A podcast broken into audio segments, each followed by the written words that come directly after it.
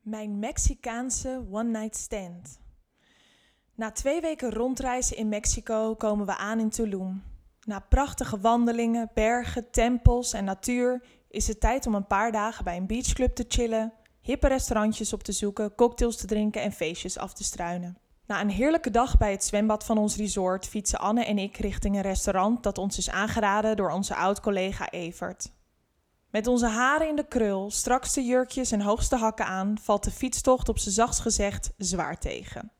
De weg zit vol met hobbels en gaten en is slechts op enkele stukjes verlicht. Onze krakkemikkige huurfietsen blijken geen licht te hebben en remmen die maar half werken. Dus als we na de langste drie kwartier van mijn leven eindelijk aankomen bij het restaurant, ben ik opgelucht dat we nog leven. Het zweet staat op mijn rug en voorhoofd als we aansluiten in de rij van de hostess. De fietstocht duurde twee keer zo lang als we gehoopt hadden, dus zijn we te laat voor onze reservering. De hostess legt uit dat onze tafel inmiddels vergeven is, maar dat we aan de bar kunnen wachten tot er weer een tafel vrijkomt. Ik kijk naar Anne en zie dat zij hetzelfde denkt. Na deze fietstocht is het juist wel lekker om even bij te komen en af te koelen met een ijskoude en vooral lekker sterke cocktail. De bartender groet ons met een grote glimlach als we voor zijn neus plaatsnemen. Hi, I'm Willy, zegt hij. Nice to meet you, zeg ik enthousiast en doe hem gelijk de groetjes van Evert. Er verschijnt een nog bredere lach op het gezicht van Willy. Aha, friends of my amigo. That means we're going to have some fun tonight. Hij gaat direct aan de slag en maakt twee overheerlijke cocktails voor ons. De drankjes doen ons goed en binnen no time zijn Anne en ik de helse fietstocht alweer vergeten. Voordat we aan tafel gaan krijgen we nog een shot tequila aangeboden van onze nieuwe vriend Willy. Terwijl we proosten, beloven we hem dat we na ons dessert nog even bij hem aan de bar komen zitten. Het restaurant is prachtig en we mogen uiteindelijk plaatsnemen aan een tafel vlak bij de keuken. Er wordt ons uitgelegd dat alle gerechten bedoeld zijn om te delen, dus bestellen we vier gerechtjes van het menu. Elk bord dat voor onze neuzen gezet wordt is prachtig. De smaken zijn top, de porties niet te groot en de service is vrij snel. Na ons laatste gerecht vragen we aan onze ober of we kunnen afrekenen. Ik zie dat Willy twee plaatsen aan de bar voor ons heeft vrijgehouden, dus schuiven we weer aan voor de volgende cocktails. Willy stelt ons voor aan zijn collega's achter de bar en vertelt dat veel bartenders van de restaurants in deze straat na werk nog naar een klein kroegje gaan. You girls should join us, zegt hij enthousiast. Anne en ik overleggen even of we daar nog zin in hebben en zeggen dan toe. Voor we het weten staat er weer een nieuw drankje voor onze neus en proosten we met de zoveelste shotjes tequila. Als het 12 uur is, sluiten Willy en zijn collega's de zaak af en vertrekken we met z'n allen richting een kleiner barretje verderop in de straat. Anne en ik gaan aan de bar zitten, terwijl Willy en de andere bartenders hun conculega's groeten. We babbelen wat met de jongen die daar achter de bar staat en vragen hem om zijn specialiteit voor ons te maken. Na een half uurtje zie ik Anne stiekem gapen. Hou je het nog uit? vraag ik. Nou, ik begin een beetje moe te worden, antwoordt Anne. Als je het niet erg vindt om hier met de jongens te blijven, pak ik zo'n taxi naar het hotel. Ik besluit nog even te blijven en bestel een nieuwe cocktail. Kan je iets voor me maken met vlierbloesemlikeur en tequila? vraag ik de bartender in het Engels. Hij knikt vastberaden en begint het een en ander in een shaker te gieten. Ik zit rustig met mijn heerlijke cocktail om me heen te kijken wanneer ik een jongen op de bar zie aflopen. Hij komt vlak naast me staan en bestelt een biertje en een shot mezcal. Ik bekijk hem vluchtig en vind hem zo op het eerste gezicht wel knap. Hij draait zich richting mij, kijkt even naar mijn cocktail en kijkt me daarna aan. That looks tasty, zegt hij. Wil je proeven? vraag ik terwijl ik mijn cocktail voor zijn neus hou. Hij neemt een slok van mijn cocktail en knikt goedkeurend. My name is Magdil, by the way. But people call me Maggie. Ik schud zijn hand en stel me voor. Ben je op vakantie? vraagt hij in het Engels. Ik vertel over de reis die Anne en ik gemaakt hebben en dat we de laatste dagen in Tulum zijn om lekker te chillen. En wat heb jij gedaan? Vanavond, vraag ik. Het blijkt dat Maggie werkt bij het restaurant waar Anne en ik net gegeten hebben. Ik had je al eerder vanavond bij Willy aan de bar zien zitten, zegt hij. Hij vertelt dat hij voorheen bartender was, maar nu in Tulum in de bediening werkt. Het liefst maakt hij cocktails, maar hij moet zich hier nog opwerken tot bartender. We babbelen wat over onze favoriete cocktails en spirits, totdat hij me vraagt of ik meekom naar zijn collega's. Zijn collega's zitten buiten in een loungehoek op het terras. We kletsen een beetje met Willy en de andere jongens, totdat het alweer tijd is voor de laatste ronde. Maggie en ik delen een mescal die hij uitkiest. Wat nu? vraag ik. Is er nog wat te doen of is alles dicht? Kijk om me heen en zie dat het inmiddels een stuk rustiger is geworden op straat.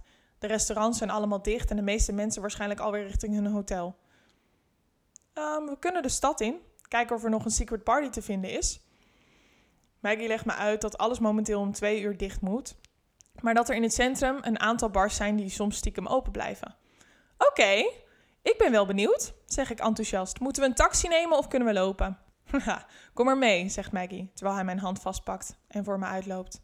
In het Spaans roept hij iets naar de andere jongens en geeft mij ondertussen een helm. Ik klauter achter op de scooter die hij aanwijst wanneer Maggie rustig gas geeft. Achter op de scooter voelt de hobbelige weg gek genoeg minder eng dan toen ik er eerder deze avond op fietste. Maggie rijdt rustig, maar ik maak gretig van de situatie gebruik om hem eens goed vast te pakken.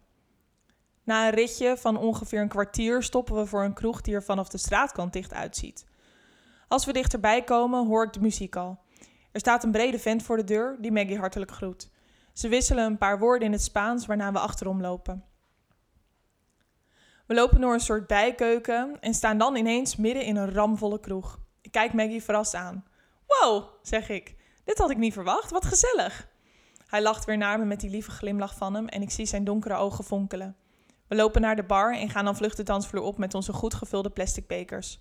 Ondanks dat ik totaal niet kan salsa dansen, vind ik de muziek heerlijk. In Mexico wordt veel salsa en reggaeton gedraaid, wat natuurlijk de perfecte muziek is om een beetje sexy op te dansen. Maggie pakt me stevig vast en onze lichamen bewegen op de muziek tegen elkaar aan.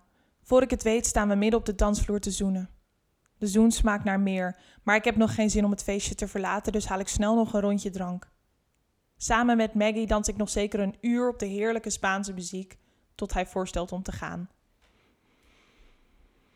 Ik spring weer bij hem achter op de scooter en samen rijden we door de nacht.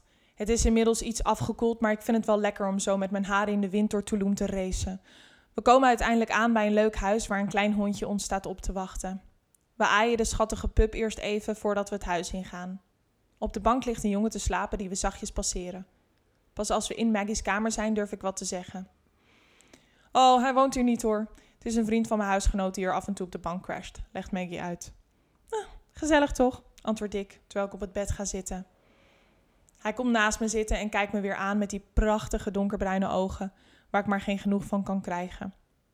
Wil je nog wat drinken? vraagt hij en wijst naar een paar flessen die in de hoek van de kamer staan. Ondanks dat ik er een paar goede tequila's tussen zie staan, bedank ik en leg ik voorzichtig mijn hand op zijn been. Met mijn lange nagels kriebel ik een beetje op en neer over zijn bovenbeen en breng mijn gezicht langzaamaan iets dichter bij het zijne. Hij kust me en ik voel kriebels in mijn buik. Zijn hand reikt naar de rits op mijn rug. Hij trekt langzaam mijn jurk uit waar ik enkel een stringetje onderaan heb. Hij kijkt aangenaam verrast naar mijn bijna helemaal naakte lijf. Ik glimlach verlegen. Doe je shirt eens uit, zeg ik zachtjes. Er komt een sixpack onder zijn nonchalante t-shirt vandaan. Ik laat mijn handen over zijn zongebruinde huid glijden en duw hem voorzichtig achterover. Ik plant mijn knieën aan weerszijden van zijn benen en buig voorover. Weer vinden onze lippen elkaar. Misschien komt het door de warmte of de tequila shots, maar het voelt in het moment alsof Maggie en ik voor elkaar gemaakt zijn. Ik trek even mijn hoofd weg, om vervolgens plagend zijn lippen te likken. Ik kus hem in zijn nek, bijt in zijn oorlel, geef hem kusjes over zijn hele torso tot ik bij zijn broekriem uitkom. Terwijl ik omhoog kijk, maak ik de gesp van zijn riem los. Hij tilt zijn heupen op, zodat ik zijn broek kan uittrekken. Door zijn bokser zie ik dat zijn pik al vrij hard is. Ik laat mijn handen over zijn onderbroek glijden en hoor hoe hij diep zucht. You like it? fluister ik terwijl ik hem aankijk. Trek zijn bokser naar beneden en zijn stijve penis lijkt er bijna uit te springen. Met mijn linkerhand pak ik zijn ballen vast en lik met een natte tong van onder tot boven. Draai een paar rondjes over zijn eikel voordat ik zijn penis in mijn mond neem. Hij kreunt iets in het Spaans dat ik niet versta, maar wat wel erg sexy klinkt. Na een paar minuten houdt hij me tegen. I wanna fuck you, zegt hij terwijl hij me indringend aankijkt met zijn mysterieuze bruine ogen. Mm, ik wil wel een condoom gebruiken, zeg ik in het Engels. Hij trekt snel een la open en vist er een condoom uit. Ik bekijk hem nog eens goed terwijl hij de condoom omdoet. Zijn schouders zijn niet ontzettend breed, maar hij heeft een sixpack om je vingers bij af te likken. En ik kan voor mijn gevoel uren naar die donkere ogen blijven kijken. Als de condoom goed zit, kruip ik iets omhoog en ga rustig op zijn pik zitten. Hij zucht en ik hoor mezelf zachtjes kreunen. Ik zet mijn handen achter me en beweeg op en neer. Ik kijk hem aan en denk even aan helemaal niets meer. Uit een soort automatisme zet ik plotseling mijn handen aan weerszijden van zijn gezicht en buig voorover om hem te zoenen. Mijn heupen blijven op en neer bewegen zonder dat ik er moeite voor lijkt te hoeven doen. Ik voel hoe zijn handen mijn billen stevig vastpakken en zie een bijna beestachtige blik in zijn ogen verschijnen. In hoog tempo beweegt hij me op en neer en ik voel zijn pik diep in me. Oh, je voelt zo goed, zegt hij kreunend. Ik sluit mijn ogen tot ik hem weer hoor kreunen. Hij knijpt nog harder in mijn billen en roept dan vrij luid: Fuck! Daarop volgt een soort grom en wat Spaans gebrabbel dat ik niet versta en uiteindelijk een hele diepe zucht. Je bent sexy als je Spaans praat, zeg ik zachtjes terwijl ik naast hem ga liggen. Baby, jij bent altijd sexy, zegt hij met een grote grijns op zijn smol.